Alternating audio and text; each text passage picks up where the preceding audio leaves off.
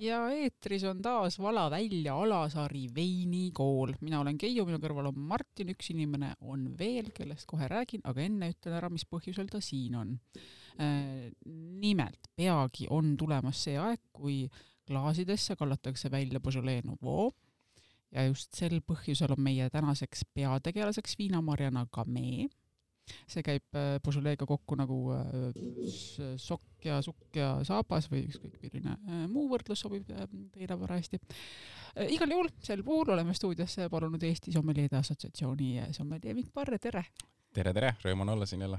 esimene ülesanne, nagu ikka, kolm lõbusat fakti mm,. tuttav fakt, tuttav, tuttavad küsimused juba väga hea, harjutud jaa, et äh, ma arvan, et Beaujolais on selline või tähendab äh, Gamay on äh, selline viinamari, millest, mis on maailmas hästi harukordne ja peaks arust-, alustamegi sellest, et, et tegemist on viinamarjaga ühega väga-väga vähestest maailmas, mis on nii tihedalt seotud ühe piirkonnaga, et viinamarja nimi ise on tihti isegi kaduma läinud ja inimesed pigem seostavadki seda ühe konkreetse piirkonnaga, mis siis juba sai eelpool ka mainitud, et tegemist on siis Beaujolai'ga et äh, ka, ka see Beaujolais piirkond ise on nagu nii, nii äh, harukordne maailmas, et äh, tegemist on põhimõtteliselt monokultuuriga, kui me räägime viinamarjadest, et ähm, ei ole maailmas neid piirkondi, kus äh,, mis ongi põhimõtteliselt ainult ühele konkreetsele viinamarjale üles ehitatud, et seal on üle kahekümne viie tuhande hektari põlde ja sellest umbes kakssada kakskümmend viis ainult, ehk siis vähem kui üks protsent on äh, üldse teisi muid viinamarju, kui et äh, see on niisugune täitsa, täitsa harukordne asi maailmas aga miks see Beaujolais siis üldse on või miks see Gamay viinamari on äh, pagendatud sinna Beaujolais piirkonda, et selleks on niisugust kaks vahvat nagu lugu, et äh, viinamari on oma elus käinud äh, üles ja alla, olnud suure au sees, siis jälle põlu all ja nii edasi-tagasi. ja see, kust see kõik algas, neljateistkümnenda sajandi algus, Prantsusmaa on läbinud suured äh, katkud, katkuepideemiad, inimesed on surnud, äh, lahkunud meie hulgast, inimesi on vähe, äh, pole põllukultuure ja Gamay on, oli see, see mari, millest sai Prantsuse, Prantsuse rahva ja eriti just Burgundia piirkonna selline lootusekiir et oma olemusest on ta hästi elujõuline, hästi selline viraalne mari, mis kasvab hästi jõuliselt, toodab hästi palju saaki, on varaküpsev ehk siis igasugu vastuvõtlik, vähe vastuvõtlik igasugustele haigustele ja asjadele. ja, ja, ja tänu sellele sai tast selline nii-öelda mm, tugev ja oluline põllukultuur ehk siis äh, Äh, ehk siis see, et temast saab teha erinevaid äh, jooke, sööke, seda saab müüa, see oli täpselt selline asi, mis, äh, mida oli vaja nii-öelda rahva, rahva ja majanduse lootuskiireks ja tast sai selline suur rahva päästja tänu just sellele oma, oma vahvatele olemustele. aga ei läinud väga palju aega mööda. vähem kui sada aastat hiljem tuli selline mees nagu Philippe Julge. aastal tuhat kolmsada üheksakümmend viis otsustas tema, et, et tõesti vahva rahvapäästja küll, aga, aga talle see asi üldse ei maitse. Ja, ja, ja kuna tema on äh, jõuline ja selles suhtes oluline Burgundia hertsog, siis tema otsustas äh, öelda oma alamatele, et kuulge, olge nüüd äh, toredad inimesed ja istutame äkki selle õnnetu Gemee asemele hoopis palju vahvamat, elegantsemat Pinot Noiri, mis siis on noh, tema jaoks oli palju nagu mõistlikum variant paarkümmend aastat hiljem tuli järgmine Philipp, seekord Philipp Hea, kes siis äh, sootuks keelas ära Burgundias äh, kemee kasvatamise, ütles, et äh, nemad Burgundia hertsogid ja ülikud ja nende alamad on Prantsusmaa eliit ja väärivad ainult, ainult nii-öelda kõige elitaarsemat ja kõige paremat veini. ja see kemee, mis oli tol hetkeks sellise talupoegliku ja massiveini staatuse saanud, mitte ei sobinud neile, nii et keelati ära ja, ja sattus suure põlu alla ja jäigi ainult sinna Beaujolais piirkonda alles kui me tegelikult saadet teeme meie marjast, siis äh, noh, nagu sa ütlesid, ta on tohutult palju seotud nii-öelda selle Beaujolais piirkonnaga ja et äh, kuulaja saaks aru, millest me üldse räägime, siis kujutage endale Eestit. jätame saared kõrvale, Mandri-Eesti, siis äh, selline linn nagu Lyon on umbes, ütleme, Tartu, Tartu kohal, ütleme. ja siis Tartu pealt üles hakkame liikuma, siis seal algabki põhimõtteliselt Beaujolais piirkond ja sealt edasi tulevad siis Burgundia, Chablis ja niimoodi jõuame, hakkame sinna Narva poole minema, eks ju. et tegelikult noh, siis on nagu aru saada, et kus koha peal ta tegelikult seal Prantsusmaal asub. ja meil on ka tegelikult selle teema me vist võtame ette, et et mis eristab siis nii-öelda nagu Burgundiat ja Beaujolais, aga räägime kas, selle kas eristab üldse? kas eristab, täpselt. sest nii palju, kui mina aru saan, ei, ei ole sugugi mitte ühene. vot, sinna kohe jõuame või noh, natukese aja pärast. aga see Beaujolais Nouveau teema tegelikult äh, on hästi oluline sellepärast, et äh, ma ei eksin, kui ma ütlen, kuskil tuhande kaheksasajandast aastast hakati lihtsalt pidama ütleme siukest noh, eks seda traditsiooni peeti varem ka, aga siis on see nagu märgiliselt saanud vist kirja, et seda nii-öelda selle aasta saaki, sama aasta saaki, mis oli saanud septembris pudelisse, siis hakati noh, lihtsalt ühe, kui, kui kõik oli korje, korje oli tehtud, et üks korralik pidu pidada, et siis hakkas tekkima harjumus või traditsioon sama aasta nii-öelda veini ka juua. Ja, ja noh, me räägime ka sellest, kuidas üldse see vein saada kahe kuuga nagu joodavaks, eks ju üks, üks, üks konkreetne viis oh,, üks konkreetne nii-öelda tehnoloogia, aga, aga mõte oligi selles, et Lyoni äh, siis äh, restoranide, baaride pidajad nägid selles nii-öelda business'it ja hakkasid ostma kokku nii-öelda noort veini ja seda siis selle peo raames siis tegelikult ka linnas müüma, mitte ainult siis kuskil nii-öelda šatöödes või, või, või nagu maal, kus noh, põllumajanduslikus mõttes oli nii-öelda korje toimunud.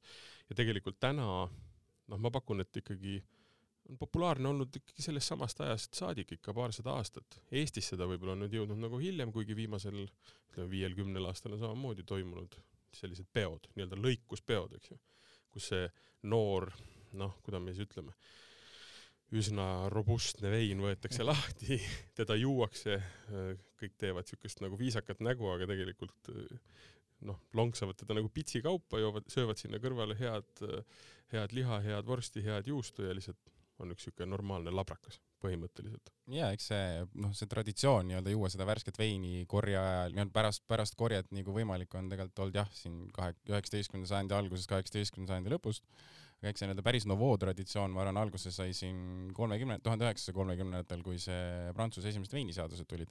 et siis nii-öelda sätestati ka ära see, et millal võib nii-öelda, millal võib veini jooma hakata ja sealt tuli ka see nii-öelda see Nouveau, Nouveau nii-öelda siis see kuupäev, et äh, iga äh, iga novembri kolmas neljapäev. alguses tal oli noh, konkreetse kuupäevaga, pärast muudeti lihtsuse mõttes.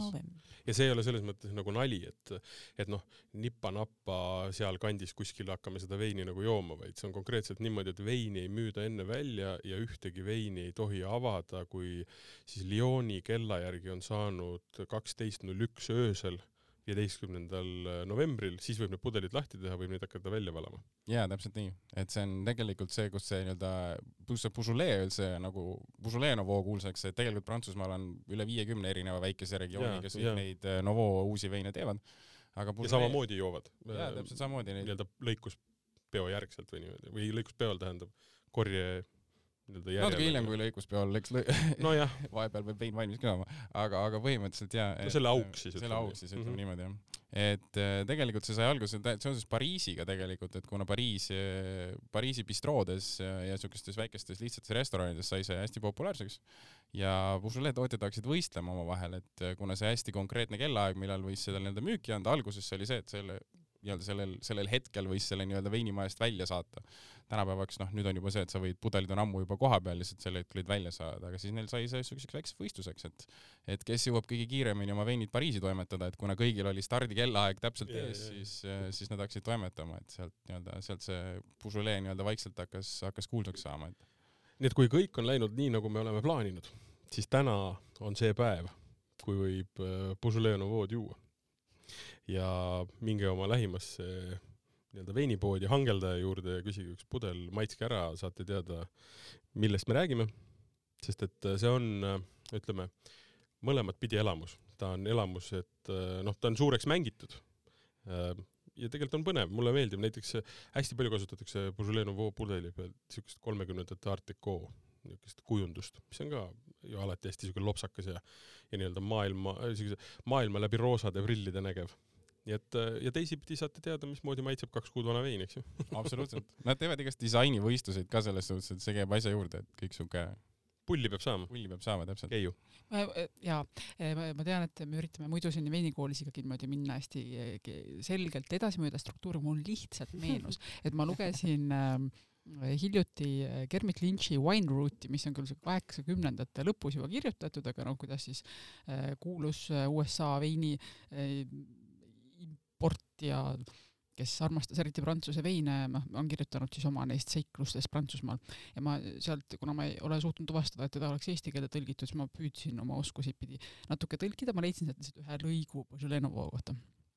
Ma kavatsen selle nüüd ette lugeda, väga vabandan. nii, üks Beaujolais veinimeister, Richard, tõi kahekümne viie liitrise vaadi kerget hapukas mõrkjat Nouveaud. ütlesin talle, et sellist veini oleks Californias võimatu müüa, see on liiga kerge, liiga noor aga see on just nimelt põhjus, miks see vein mulle meeldib, vastas ta.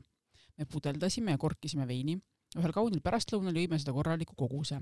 ei, me ei harjutanud veini pH taset, tammisust, kehandit ega järelmaitse pikkust, aga selles oli rõõmu.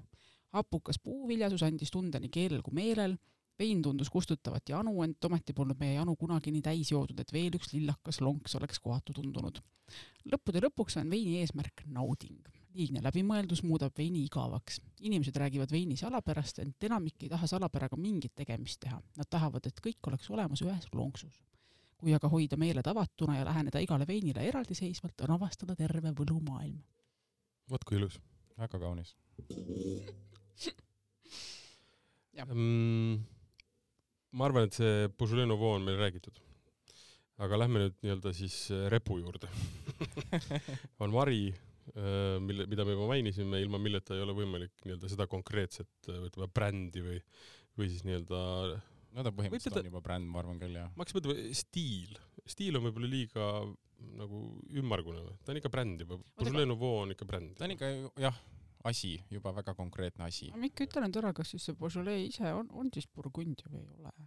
tead, nad vaidlevad ilmselt äh, väga pikalt veel, sest et tegelikult geograafiliselt asub teises nii-öelda mis ta siis nüüd on, osariik või maakond, kui, kui Burgundia, aga ikkagi kõik, kõik nii-öelda kipuvad teda kokku panema.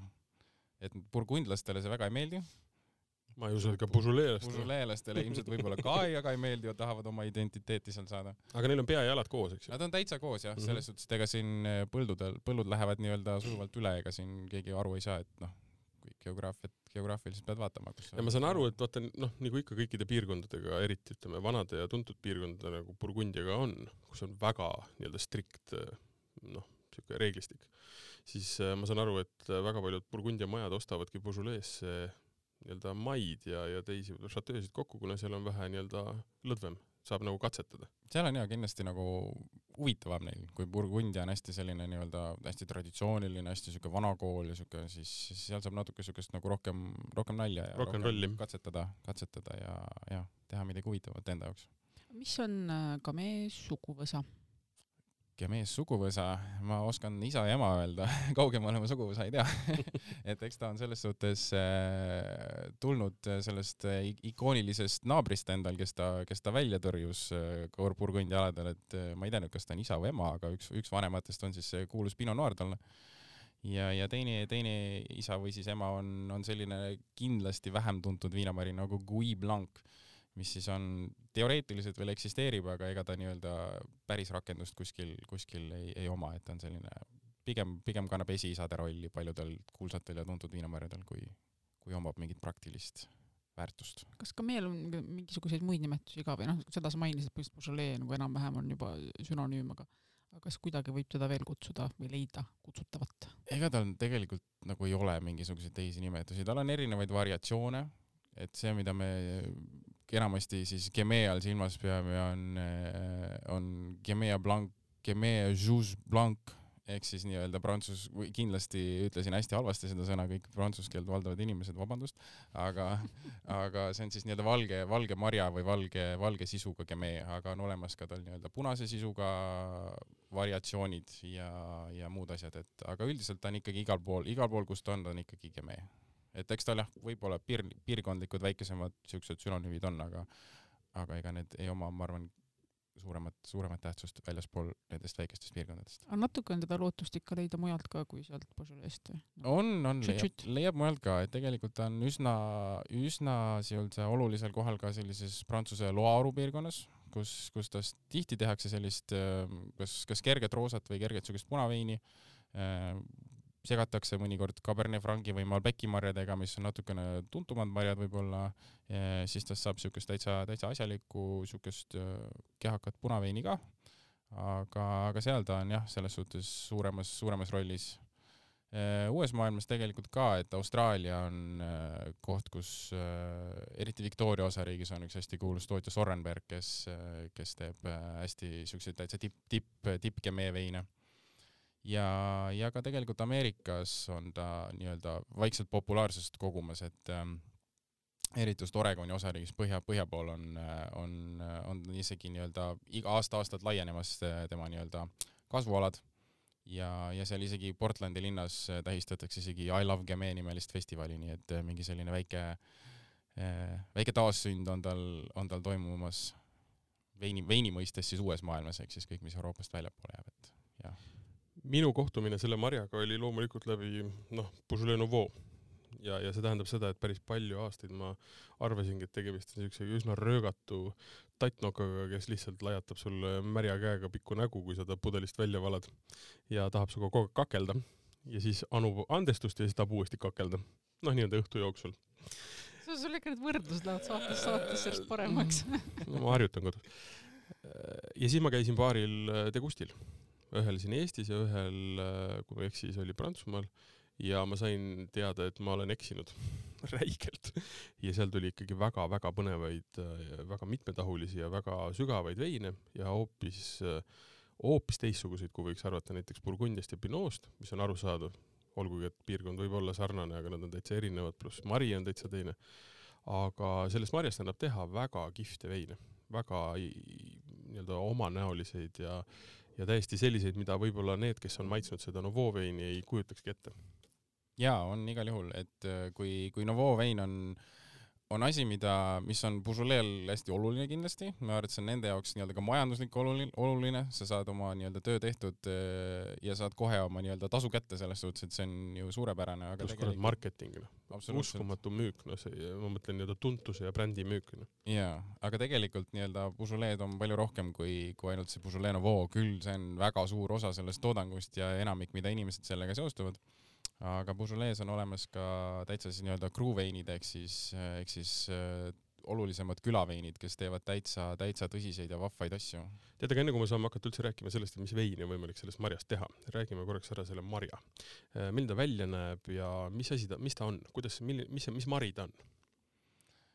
punane mari seda küll, aga selles suhtes, vahel valge, vahel tumeseest. jaa, just et eks ta on äh, üsna selles suhtes äh, sarnane võib-olla mingis mõttes Pinot Noiriga, et noh, käbi ei kuku kännust kaugele mm., et ähm, pigem õhukese õhu, pigem õhukese kestaga annab sellist äh, küll natukene nagu oma olemuselt tumedam, visuaalselt siis nagu tumedamat veini kui, kui Pinot Noir, eriti kui tema nooruses on, et tal nagu natuke neid pigmente ja ja asju on rohkem, aga üldiselt ta kipub andma sellist hästi marjast äh, mahlast veini. vähese tanniiniga. vähese tanniiniga üldjuhul, et eks siin on, on nagu paremate kruukülade veinid on siin täitsa, täitsa tuntava tanniiniga, täitsa siuksed tõsised purakaid veine võib ka tulla, aga üldiselt see laias laastus on tegemist siukse kerge mahlase veiniga, ütleme eriti selle Nouveau puhul äh, noh, nii lähedane punane vein kui valgele veinile olla saab mm, -hmm. et ta on tihti selline banaanine, tutifrutine, troopiline yeah., selline asj, selliste asjadega seotub, aga kui teda nii-öelda tõsise veinil teha, siis tuleb täitsa selline noh, Pinot Noiri karakterile võib-olla sarnane, et sellised kirsised just. ja, ja sõstrased, sõstrased noodid, et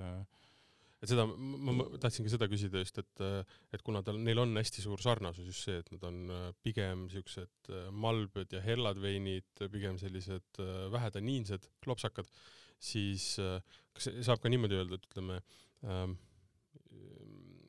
kui on vali-, noh, kõigil on mingisugune eelarve ees, eks ju, siis äh, pigem saab mingisuguse, kuidas ütelda, Pinot ja ka-, ka-, Gemeed nii-öelda võrreldes siis äh, Gemeest saab nii-öelda hinda arvestades nagu vingema veini. kui võtta need tõsised veinid, siis ma arvan kindlasti, sest ma arvan, et Beaujolais on üks isikliku arvamuse poolest üks maailma võib-olla kõige vähem, kõige alahinnatumam sort üldse, et eriti kui me vaatame neid äh, kruuveine, sest sealt tuleb nagu tõsiselt ägeda sisuga asju ja hind on teinekord selline noh tipp, tippveinide hinnaklass jääb sinna Burgundia täitsa lihtsate veinide mm. algusesse, kuna lihtsalt sellel veinipiirkonnal on nii tugev see nii-öelda side selle Beaujolais Nouveauga, mis inimesi hirmutab ja, ja ja inimesed teinekord ei, ei julge seda isegi nagu letilt võtta. samas kui me räägime nendest külaveinidest, siis tihti näiteks tipptootjad teevad sooduks niimoodi, et näiteks sõna Beaujolais sa isegi ei leia etiketi pealt, et neil on ainult oma küla nimi ja, ja nii ongi, et nad ei tahagi seostada ennast võib-olla nagu konkreetselt nagu selle Beaujolais nimega, et neil ongi, et Morgon on Morgon ja Fleury on Fleury ja nii edasi, et aga hinna, hinnakvaliteedi suhe, ma arvan, on täitsa super, et kui kuskilt õnnestub neid saada, Eestisse nagu väga palju neid ei ole jõudnud, aga ma arvan, et mida edasi, seda rohkem ja.... Te võite ilmselt aimata, mis minu järgmine ettepanek siinkohal oleks. joome veini. jaa, ma arvan, see on hea mõte. Ehm, millest me alustame, meil on laua peal kolm veini. meil on kolm veini, millest üks on äh, selline külaapellatsiooni lihtsam vein, äh, võib-olla selline näide, mis iseloomustab, ta ei ole küll, noh, ta ei ole kindlasti Beaujolais Nouveau, aga võib-olla selline kõige sarnasem sellene, selline kerge, mahlane, värske. ja siis on meil olemas kaks, äh, kaks sellist tõsist külaveini, külaapellatsiooni veini et võib-olla me alustame sellest äh, lihtsamast ja kergemast ja siis liigume vaikselt ja, edasi. täpselt, täpselt nii teemegi.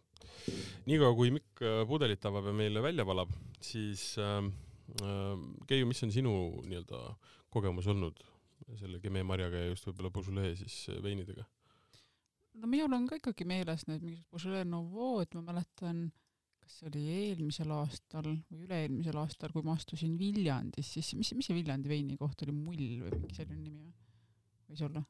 see, see, seal oli leti taga mingisugune noor mees, kes oli ka just äsja saanud minu meelest kätte need äh, Nouveaud ja siis mm. kalla, kallas rõõmsalt äh, klaasikese välja ja see, noh, see oli täpselt see olukord, millest seesama nagu Hermit Lynch kirjutab, et, et see ei pruugi olla selline meeletult äh, sügav või põnev vein muidu, aga see rõõm, vaata, mis nagu sellest olukorrast ja noh, ma ei tea, tore koht, tore poiss, tore hetk, tore klaas veini, et noh, see, see rõõm loeb, eks ju, et see, see on nagu minu mälestus. aga need rõõmud on mul olnud täpselt samamoodi, need rõõmud on hakanud kaduma, äh, mida rohkem ma erinevat veini maitsen ja minu nii-öelda maitsemeel muutub. et me siia jalutades Mikuga ka rääkisime siis, äh, et ähm, kui kunagi olid väga võib-olla isegi põnev niisugune pidu, kus on sõbrad hoos ja tants ja trall ja see nii-öelda vein äh, tegelikult noh, mingist hetkest äh, lihtsalt sa ei pannudki teda enam tähele, sellepärast et mingid muud asjad olid olulised, siis aina enam muutub ta selliseks üsna noh, kirbeks ja vastumeelseks. Mitte vastumeelne ei ole hea sõna võib-olla, aga muide selle koha nimi, mida Mulks. ma mõtlesin, vot, mull. vaid sa, vaid sa ei oska teda, ei taha teda lihtsalt liiga palju näha. see ole... nagu sellest äh, keiuluuletusest enne, et on siuke tähele, tähele, mitte küll keiuluuletusest, aga tõlgitud luuletusest siis selline tähelepandamatu jook, noh, et ta käib lihtsalt peoga kaasas. aga keegi ja. nagu ei mõtle joogi peale konkreetselt, et see ei ole nagu tõsine vein selles suhtes äh, tihti aga minu, minu nii-öelda moto on alati see, et kui on põhjust pidutseda, siis tuleb pidutseda ja kui äh, Beaujolais Nouveau pärast on põhjust kokku tulla ja sõpradega mõned pokaalid veini juua, siis ma maksan ka selle hommikuse tšeki heal, heal meelel ära. miks ei või olla veendunud, jah. võib olla lihtsalt põhjus ei, äh, pidada üks korralik pidu, miks ei. täpselt jaa, Ameerikas ta on veel eriti populaarseks saanud sellepärast, et ta satub täielikult juhuslikult kokku selle nende tänupühadega, Thanksgiving uga. ja, ja siis tast on saanud selline tänupühade jook. aga kas ta sobib tänupühade söökidega ka ühtlasi või? kusjuures jumala ilusti tegelikult, kui sa võtad siukse röstitud kalkuni, paned sinna siukse hea kastme juurde, siis ma arvan, et väga mõnusalt selline hea marjane kerge punane vein sobib suurepäraselt siukeste linnuroogadega, nii et absoluutselt, sellepärast nad ongi siuke omavahel päris tugevalt seotud. nii, aasta kaks tuhat kakskümmend Kemee marjast Beaujolais Village ehk külavein on meil välja valatud. kust ta saab üldse? mis me tunneme siin? kust saab, öelge mulle seda. kõigepealt. Livikust saab mm,. selge issand jumal, kust saab? ma siin üritan, oluline, oluline teada. ma siin üritan luulet teha ja sa räägid, kus saab. vabandust. ei ole hullu. Äh, Mikk, mis ma siin tunnen? ma arvan, et sa tunned siin sellist äh, hästi kerget mahlakat äh, marjast äh, sisu, hästi selline kirsine, hästi sõstrane ja minu jaoks siin maasikad, varikad äh,. joomis, ta on küll värvilt, ta on täitsa selline noh, täitsa, täitsa tumeda punase veini värvi, aga sisu on siuke hästi kerge, hästi mahlane, minu jaoks taniini põhimõtteliselt polegi. noh, ei ole Beaujolais Nouveau, aga, aga, aga nii lähedal sellele, kui, kui nagu hetkel, hetkel juua saab, selles suhtes, et hästi-hästi kerge, hästi värske. jah, see, see tundub täpselt selline vein, mille võib lahti teha siis ka, kui on juba mitu pudelit õhtul ära joodud ja võib-olla enam kõiki nüansse ei taipa asjadele. jaa, muidugi teed siukse suvise grillipeo, miks mitte palava ilmaga sellist äh, veini siia juua, ta on natuke soe küll praegu, aga kui ta natuke maha jahutada, siis ta on siuke hästi mõnus värske ka, et ja tegelikult hea pretensioonitu vein minu meelest. ma vahepeal guugeldasin kiiresti kogu selle info põhjal tema hinda, vaatan, et üheksa seitsekümmend tundub ta maksvat mm, -hmm. mis tõesti ei murra konti. siin on täpselt see tunne, kui sa segad mm, kokku kirsi, sõstra, vaarika maasikamoosi. jah. eriti kirsi, ma just täna hommikul sõin, ma sõin just kirsikompotti ja see oli, see, see lõhn on põhimõtteliselt sama. aga siin on ka see vaarikas ja maasikas väga ilusti olemas, siuksed ähm, ikkagi valmis punased marjad kõik. jah, väga ilusti, eks siin on kasutatud seda Busulees nii tuntud seda CO2 äh, matseratsiooni ka, mis ta teeb siukseks hästi-hästi marjaseks ja pehmendab neid vot see oligi, mida me ju, äh, teema, mille ma tõstatasin ka saate alguses, et kuidas saada vein kahe kuuga joo-, joomiskõlblikuks. jah, mis see tähendab? mis asi on CO2 mat-, matseratsioon? kõlab hästi siuke lonkava tehnilise terminina mm, -hmm. aga tegelikult on asi hästi lihtne, et nad lihtsalt teevad ähm, veinid äh, käärivad või alustavad siis oma nii-öelda käärimisprotsessi hapnikuvaeses keskkonnas, tavaliselt nad pannakse kuskile tanki või anumasse ähm, kus nad oma raskuse all äh, mingid marjad purunevad, äh, marjade kestade sees hakkab selline ilma hapnikuta selline väike käärimine pihta.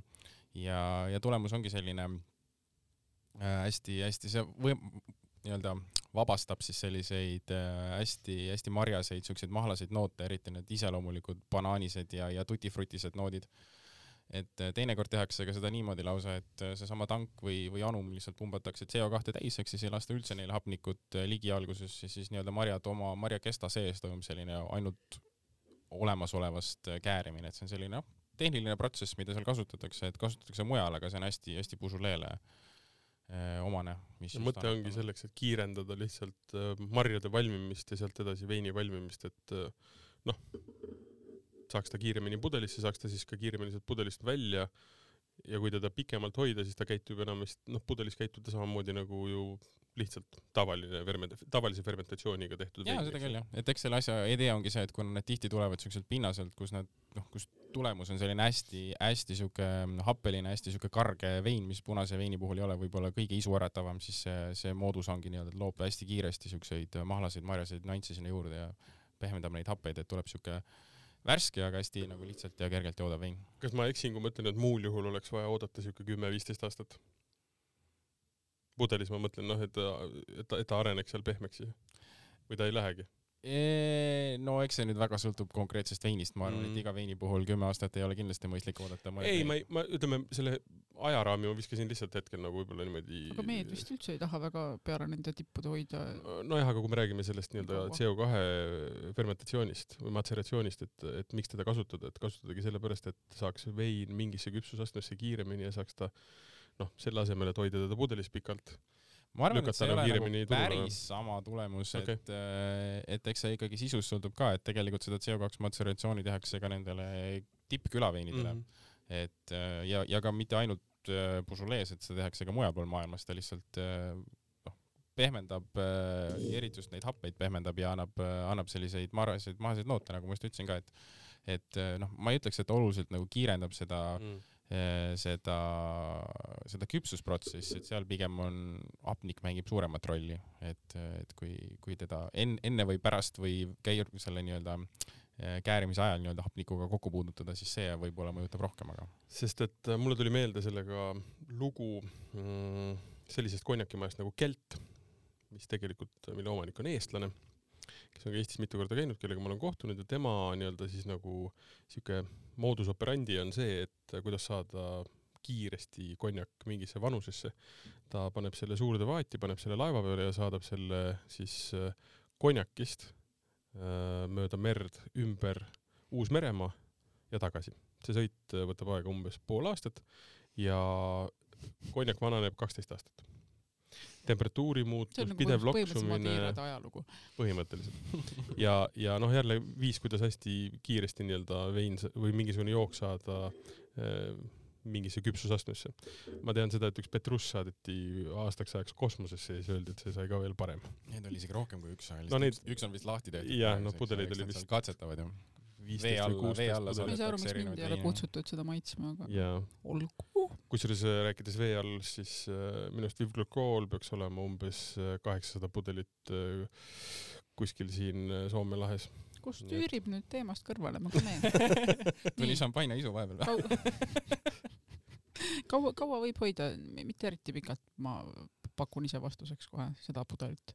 No eks see pudel on mõeldud pigem selliseks värskeks joomiseks jah, et eh, noh, George, George Dubov, kes see tootja on, on see põhimees, kes selle Beaujolais Nouveau traditsiooniga rajanud on, et eh, tema, ta teeb muidugi ka väga siukseid väga tippveine, aga see konkreetne isend on jah, pigem mõeldud selliseks eh, jah, aasta-kahe jooksul kiirelt tarbimiseks, et eh, ega ta nii-öelda ma, kaotab, ma arvan, oma siukse värskuse, mis on just see tema põhivõlu, mis tal hetkel on, et see on praegu väga lahe vein. hästi mõnusalt libisev, mõnus siuke lopsakas ja võtaks teise klaasi või? sõber, siuke sõbralik. korra me vist mainisime seda, et äh, kuna ta USA-s on populaarne, et siis äh, mm, tänupüha nii-öelda õhtusöögi juurde ta sobib, aga kuhu veel? kuhu veel jah, mis toidud sobiks selle veiniga? No eks ta on mingis mõttes, eriti kui me räägime nendest kruuveinidest, siis ta on siuke hea alternatiiv kõigele, mis, mis muidu võiks panna nii-öelda Pinot Noiri juurde, et kui teinekord tahaks siukest head Pinot Noiri, noh, toitu, mille, toitu, mille, toitu, mille juurde sobiks siuke hea Pinot Noir, aga võib-olla tahaks, tahaks midagi muud ja põnevat katsetada, siis eriti Või midagi odavamat. või midagi natuke odavamat, eks ole, siis, siis Beaujolais külaveinid on tegelikult väga head, et erinevad nii-öelda pardilihad siukeste ploomiste kirsiste kastmetega võiks väga hästi töötada, ma arvan, et siuke Provence'i stiilis võib-olla ürtidega tehtud siuke röstitud kana oleks hästi mõnus sinna juurde. mingisugused ähm, sealihavurstikesed näiteks, eriti siuksed Eesti, Eesti siuksed suvised grilltoidud, ma arvan, väga ilusti sobiksid, et, et miks mitte. variante on palju mul hakkas niimoodi suu vett ja jooksma. punane kala kusjuures, ma arvan, et see on üks väheseid veine võib-olla, mis noh, et kui üldse nagu kala juurde, et kui ei meeldi valge vein, taha, aga ikkagi nagu tahaks mingit, mingit sobi, mingit pidi toidud ja joogid omavahel sobima panna, siis eriti siukeste kalatoitude juurde ma arvan väga hästi, et kuna tal ei ole väga selliseid taniine, ta on siuke hea kerge, mahlane, hästi värske, siis samamoodi mingisuguse marjaglasuuriga lõhe, ahjulõhe, ma arvan, ta oleks päris äge jaa, kindlasti väga hästi. mm. -hmm, mm -hmm. sest tal on värskust, tal on hapet ja kalal on rasvasust, ma arvan, läheb päris hästi. avatakse teist pudelit, me läheme nüüd tõsisemate gemeede juurde. Nüüd on see, see nimi, mida ma ei suuda hääldada normaalselt, aga mida ma olen näinud väga palju. kas sa mõtled Louis Maxi või Mulina Vand? aga mis sa arvad, kumba ma Muli-, mõtlen? Mulina Vänt. Mulina Vant, jah. see, see, see, see nimetus on nagu kuidagi nagu äh, jäänud meelde. see on siis oletatavasti üks päris tuntud piirkond, alapiirkond neist. jaa, kas sa tead, mis see prantsuse keeles tähendab? Äh, ei tea, tuuleveskit. ossa, vot siis. siis võib äh, saarlastele pakkuda, äkki neile tundub omane. Mulina Vänt või? tu-, tuli, Muli-, tuulikute kõrval Mulina joomiseks. Mm. -hmm. kusjuures selle veini värv on kergelt heledam, ta on juba, juba näinud aastaid. ta on on ka igasugust lillakat tooni, kui, kui, kui vana ta on? ta on kaks tuhat kaheksateist meil siis Louis Max, Mulina Vant, muidu selline Burgundia siis nii-öelda Burgundia põhipiirkonna tuntud tootja, aga, aga teevad ka hästi vahvaid äh, veine seal Beaujolais piirkonnas.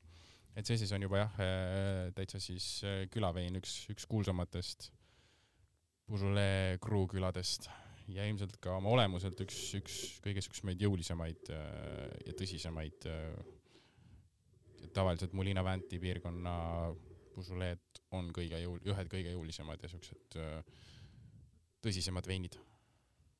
ja kust seda saab? seda saab äh, Best Wine'ist. selline vahva ettevõte. see kõrval mul on arvuti, ma ei tea, ees ma kogu aeg trükin ja üritan aru saada, palju, kust asju saab ja palju maksavad. ma nagu, ma ei tea, kas see on minu nina, aga ma nagu väga niisugust vaati küll ei taju siin. Ma olen üsna kindel, et ta on ikka kindlasti ma, ma arvan ka, et ta on olnud.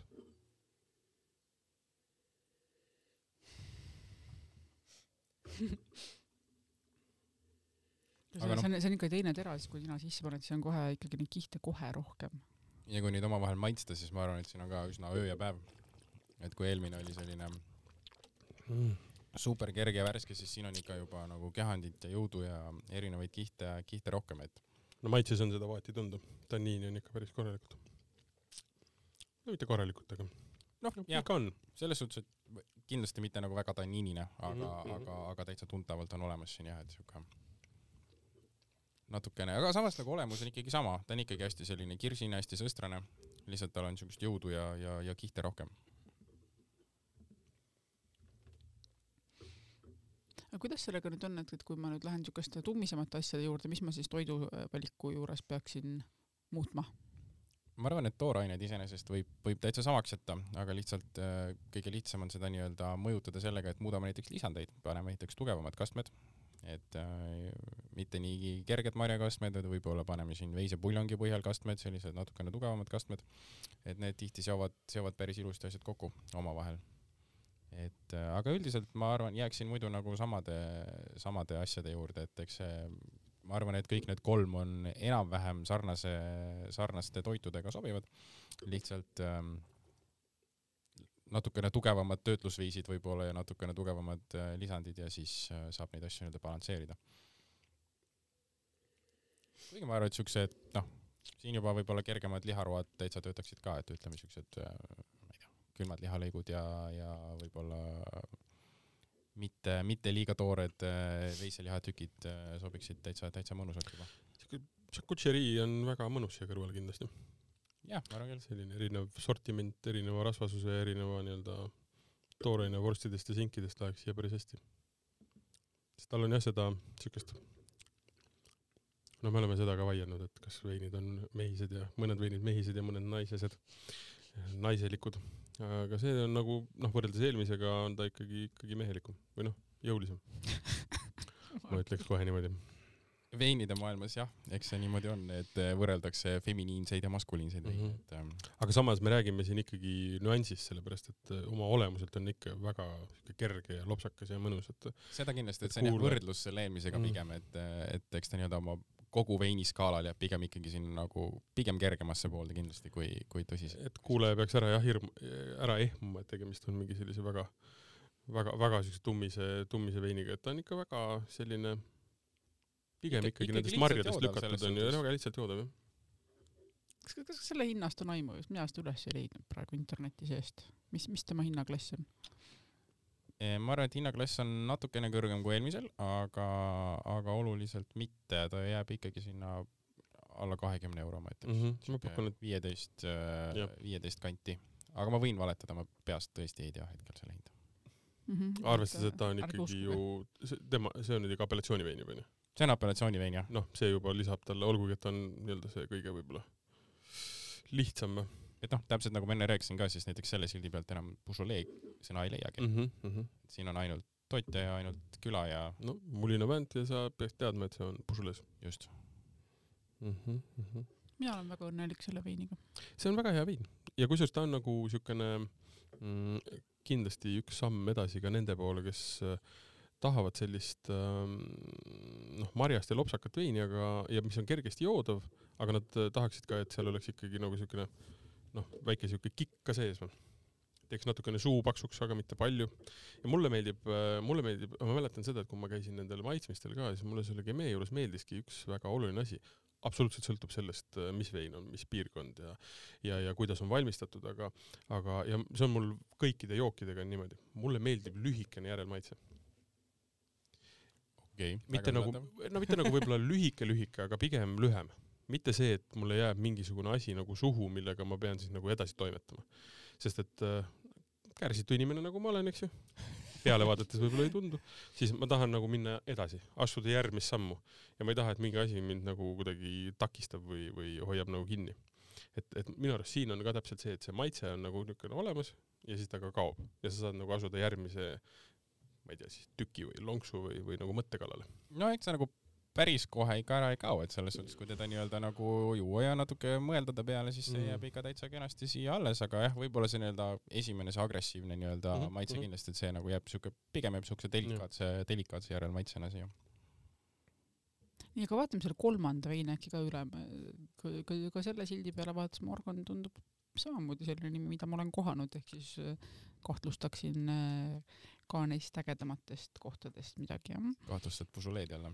kahtlustan taaskord Beaujolai'ks ega meeks olemist. huvitav. nii ta on. aga kas, kas tema, mis, mis tema nüüd eripäraseks äh, võiks teha? Äh, temal on siis mitu eripära võrreldes nende teistega, esiteks ta on teisest külast, mis siis on küla nimega Morgon, mis tegelikult sarnaselt selle Molina Vantiga on üldiselt äh, üks neid, üks nii-öelda jõulisemaid ja üks tõsisemaid, tõsisema sisuga asju. ja lisaks sellele on tegemist veel peaaegu et naturaalse veiniga tegelikult, mõtlesime, et teeksime natukene huvitavama, huvitavama lahenduse siin, et, et see on siis jah, hästi looduslähedaste võttega valmistatud vein mida ei ole siis filtreeritud, kuhu ei ole lisatud neid kurjasid sulfiteid, mida inimesed tihti kardavad veini juures. ja oota, kui sa nüüd välja valad, siis me näeme mingeid asju ulpimas seal sees või? Ma, ma tahaks loota, et päris ulpimas midagi ei näe, aga, aga ta on kindlasti hägune oma olemusest, kuna tal on jah, jäetud kõik need, kõik need äh, asjad sisse, mis, mis lisavad võib-olla erinevaid maitse, maitsenüansse, mis teinekord filtreerimise teel ära kaovad. huvitav, kuidas Keiul on tekkinud arusaam, et see vein on nagu kompott ja sealt tulevad mingisugused tükid välja. räägime kirsikompotist onju. ma alati mõtlen selle peale, et vaata, kui praegu räägitakse neist naturaalsetest biodünaamilistest ja, ja kõikidest muudest veinidest, et alati räägitakse, et noh, tagasi algusesse on justkui mingisugune superhea asi ja võib-olla, aga lihtsalt minu peas tekib mingisugune error, sellepärast et kõigepealt noh, et kõigepealt oli nii, siis tulid mingid inimesed, kes nägid palju vaeva, et teha veini justkui paremaks, leiutada erinevaid vahendeid, kuidas filtreerida, kuidas kõike teha. Ja siis nüüd öeldakse meile jälle, et ei, aga eks alguses oli kõige parem, et eks see on siuke elu loomulik rada, et ikka juurte juurde tagasi, et lõpuks äh, tehnoloogiaid tuleb hästi palju, aga lõpuks avastavad ikka inimesed, et see, see, mis aastasadade ja tuhandete jooksul välja kujunenud, no orgaaniliselt on, on nagu, on nagu see õigem no võib-olla. minu küsimus on, kas on õigem või on küsimus brändingus. selles mõttes, et vahepeal hakati rääkima kiviaja dieedist, eks ju, et noh, et super hea asi, miks ta on super hea asi, kiviajal surid inimesed ära mingi kakskümmend pluss aastat vanuses või? võib-olla õige ei ole jah, nagu selles suhtes, et õi-, õige ei ole õige termin selles suhtes, et, et ta on, on, on lihtsalt üks nagu stiile. Et ma arvan, et on inimesi, kellele väga meeldivad äh, sellised stiilis veinid ja on samas inimesi, kellele nagu meeldivad meie mõistes siis konventsionaalsed veinid, mis siis on tehtud äh, tehnoloogia abiga rohkem. et ta on lihtsalt, lihtsalt hea alternatiiv, ta pakub jälle hästi teistsuguse nii-öelda, teistsuguse lahenduse. kuigi kui ma loen, siis väidavad, et äh, Morgon on see piirkond, kust võiksid tulla kõige nii-öelda Burgundia stiili lähedasemad veinid. Üldiselt jah, et nii-öelda Molina Vant ja Morgon on mõlemad siuksed mm. -hmm. noh, tugevama stiiliga, kus tulevad tihti, eriti kui nad on nagu küpsenud, ütleme siuke viis, pluss aastat. viis pluss aastat, siis nad kipuvad muutuma siukseks äh, Pinot Noirilikumaks rohkem, värv muutub heledamaks ja tulevad siuksed maalähedased nüansid rohkem juurde, mida siin Pinot Noiriga seostatakse. see kaks tuhat seitse aasta, kaks tuhat seitseteist. kaks tuhat seitseteist, vabandust, kaks tuhat seitseteist äh, Morgoni siis apellatsioonist vein on, ta on väga-väga pinoolik. kus saab? tead, ma nüüd olen äh, nii hästi ebaviisakas, et ma tean seda inimest, kes ta toob, aga mitte ettevõtte nime, et äkki see on see, et üks vahva mees nimega Ivo toob äh, hästi palju erinevaid äh, naturaalseid veine maale, et võib-olla selle saab lisada kuskile. ära muretse, me püüame Ivo kinni me paneme selle artikli juurde lingid, saate Joubert teada Joubert on toot-, Domaine Joubert on see tootja ja Morgon, et hästi vahvad veinid, aga mul on siin hetkel mitte ei meenu kahjuks. no Ivo peab sulle andestama lihtsalt. väga, väga pinoolik, enne kui Keiu hakkas äh, rääkima, kust jälle saab, siis äh, minu arust on väga, väga pinoolik vein on. jaa, ma olen täitsa nõus sellega. hästi selline, et ta on küll natu-, naturaalne vein täitsa kirjade järgi, aga ta ei ole nagu üle võlli, et ta on siuke hästi, hästi maa, noh, kuidas ma nüüd ütlen, selline arusaadav ikkagi. Et siin ei ole liiga palju selliseid veidraid naturaalseid nüansse. ma leidsin vahepeal, kuna äh, Rünno Lumiste on kirjutanud üsna hiljuti Morgonist, sommelier.ee leheküljelt leiab selle üles, siis ta on välja toonud äh, müük Eestis, Morgani veine müüvad Le Vignoble internetipood, Wineway ja In the France. ma ei tea, kas, kas keegi siis veel või? Keegi kindlasti veel jah. no vot, selle selgitame selleks ajaks välja, kui me selle saate üles riputame. on niimoodi. oota, mis see teie hinnang nüüd siis on? sellele kaunile pilvisele veinile? mulle isiklikult väga meeldib. tahad lühikest hinnangut? see on väga hea. kolm minutit äh, täispikk kirjeldus, palun nüüd. ma olen, õpin juunior sommeljeeks, meile antakse kaheksa. aus. kolm jah.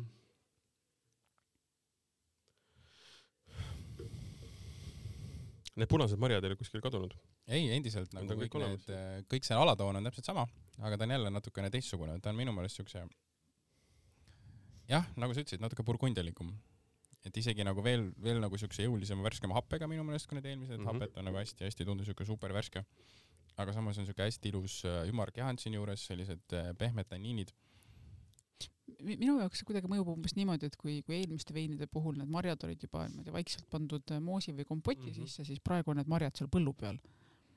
Nad on nagu värskema olemusega ja jah, aga siin on natukene seda mingisugust siukest äh, mingit heina või mulda või noh, mingi siukest äh, taustanoodina, et noh, ole, ole, ole, olen seal välja peal. kusjuures ka meie marja puhul selline nii-öelda see, see põld või see nii-öelda see, mis nüüd nagu see inglise keeles on see soil, see sõna nagu siuke noh, muld kõlab eesti keeles võib-olla nagu halvasti, kui seda nagu pinnas. pinnas on, siuke pinnaselised äh, nüansid on tegelikult hästi tavalised selle viinamarja puhul, kui eriti kui ta on nii-öelda ja tõsisemast piirkonnast pärit, et kas see on päris lahe siuke skisofreenne vein natukene ja mõlemad on nagu positiivsed pooled.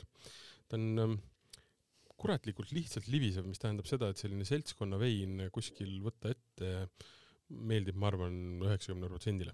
Aga samas, kui sa avastad mingil hetkel, et siis sõbrad on kõik ära läinud, aga pudel on ikka veel avatud, siis ka üksi on temaga täitsa põnev. saab täitsa üksi hakkama jah. siin on äh, layer eid, mis on sellised, mis tulevad ikkagi päris, ma kahtlustan, et selle võiks ka täitsa aereerida.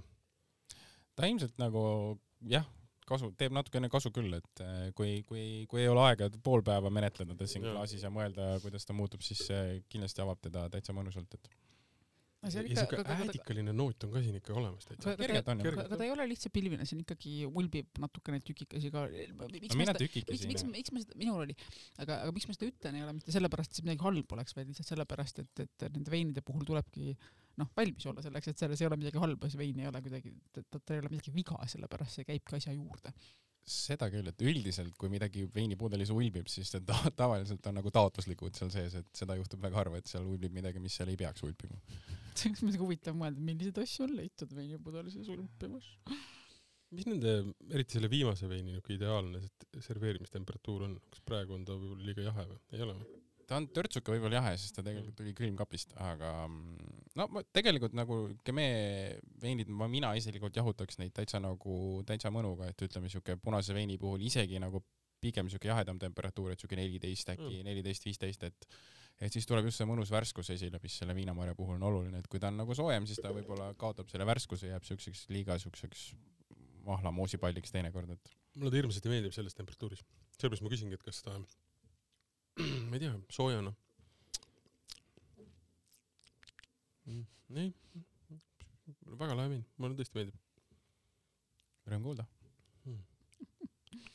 nii, aga kui nüüd äh, noh, liigume nüüd lõpupoole, et kui nüüd see vein meeldib, mida võiks veel tahta, me rääkisime Pinot Noirist, mis on noh, rääkima sellest, et lapsevanem on, on ka muidu sarnaseid omadusi, aga aga kas miks Gemee, aga miks Gemee üldse valida ja mis valida tema asemele või? noh, et noh, et kui, kui, kui ka meie meeldib, et mis võiks olla veel midagi, mida, mis siis kah meeldiks, et isegi mitte see, et, et no nüüd ma olen ka meest ennast täiesti kõriauguni joonud tüdimuseni äh,, vaid, vaid pigem võib-olla lihtsalt et nagu tekitada mingisugust siukest perekondlikku seost, mitte siis äh, geneetiliselt, aga, aga maitsete või siukeste huvide poolest. Leiab ikka, ma arvan, et ähm, Austria on võib-olla selline riik, mille poole vaadata, kui me mõtleme alternatiivide peale. et äh, seal on selline vahva viinamari nagu Zweigelt. no näed, juba teadsid et äh, Zweigelt kipub ka olema selline hästi-hästi hea värske marjase iseloomuga äh, teinekord tehakse samamoodi seda CO2 matseratsiooniga neile, et teha ta selline kergelt, kergelt joodavaks. et see oleks kindlasti üks alternatiiv Eh, samamoodi Austriast, miks mitte mingisugused kergemad eh, Blaufränkiši tüüpi eh, veinid võiks sobida, et mis ei ole no liiga palju, liiga palju tammekontakti saanud, siuksed just nagu kergemad, värskemad, lihtsamad asjad oleks hea alternatiiv.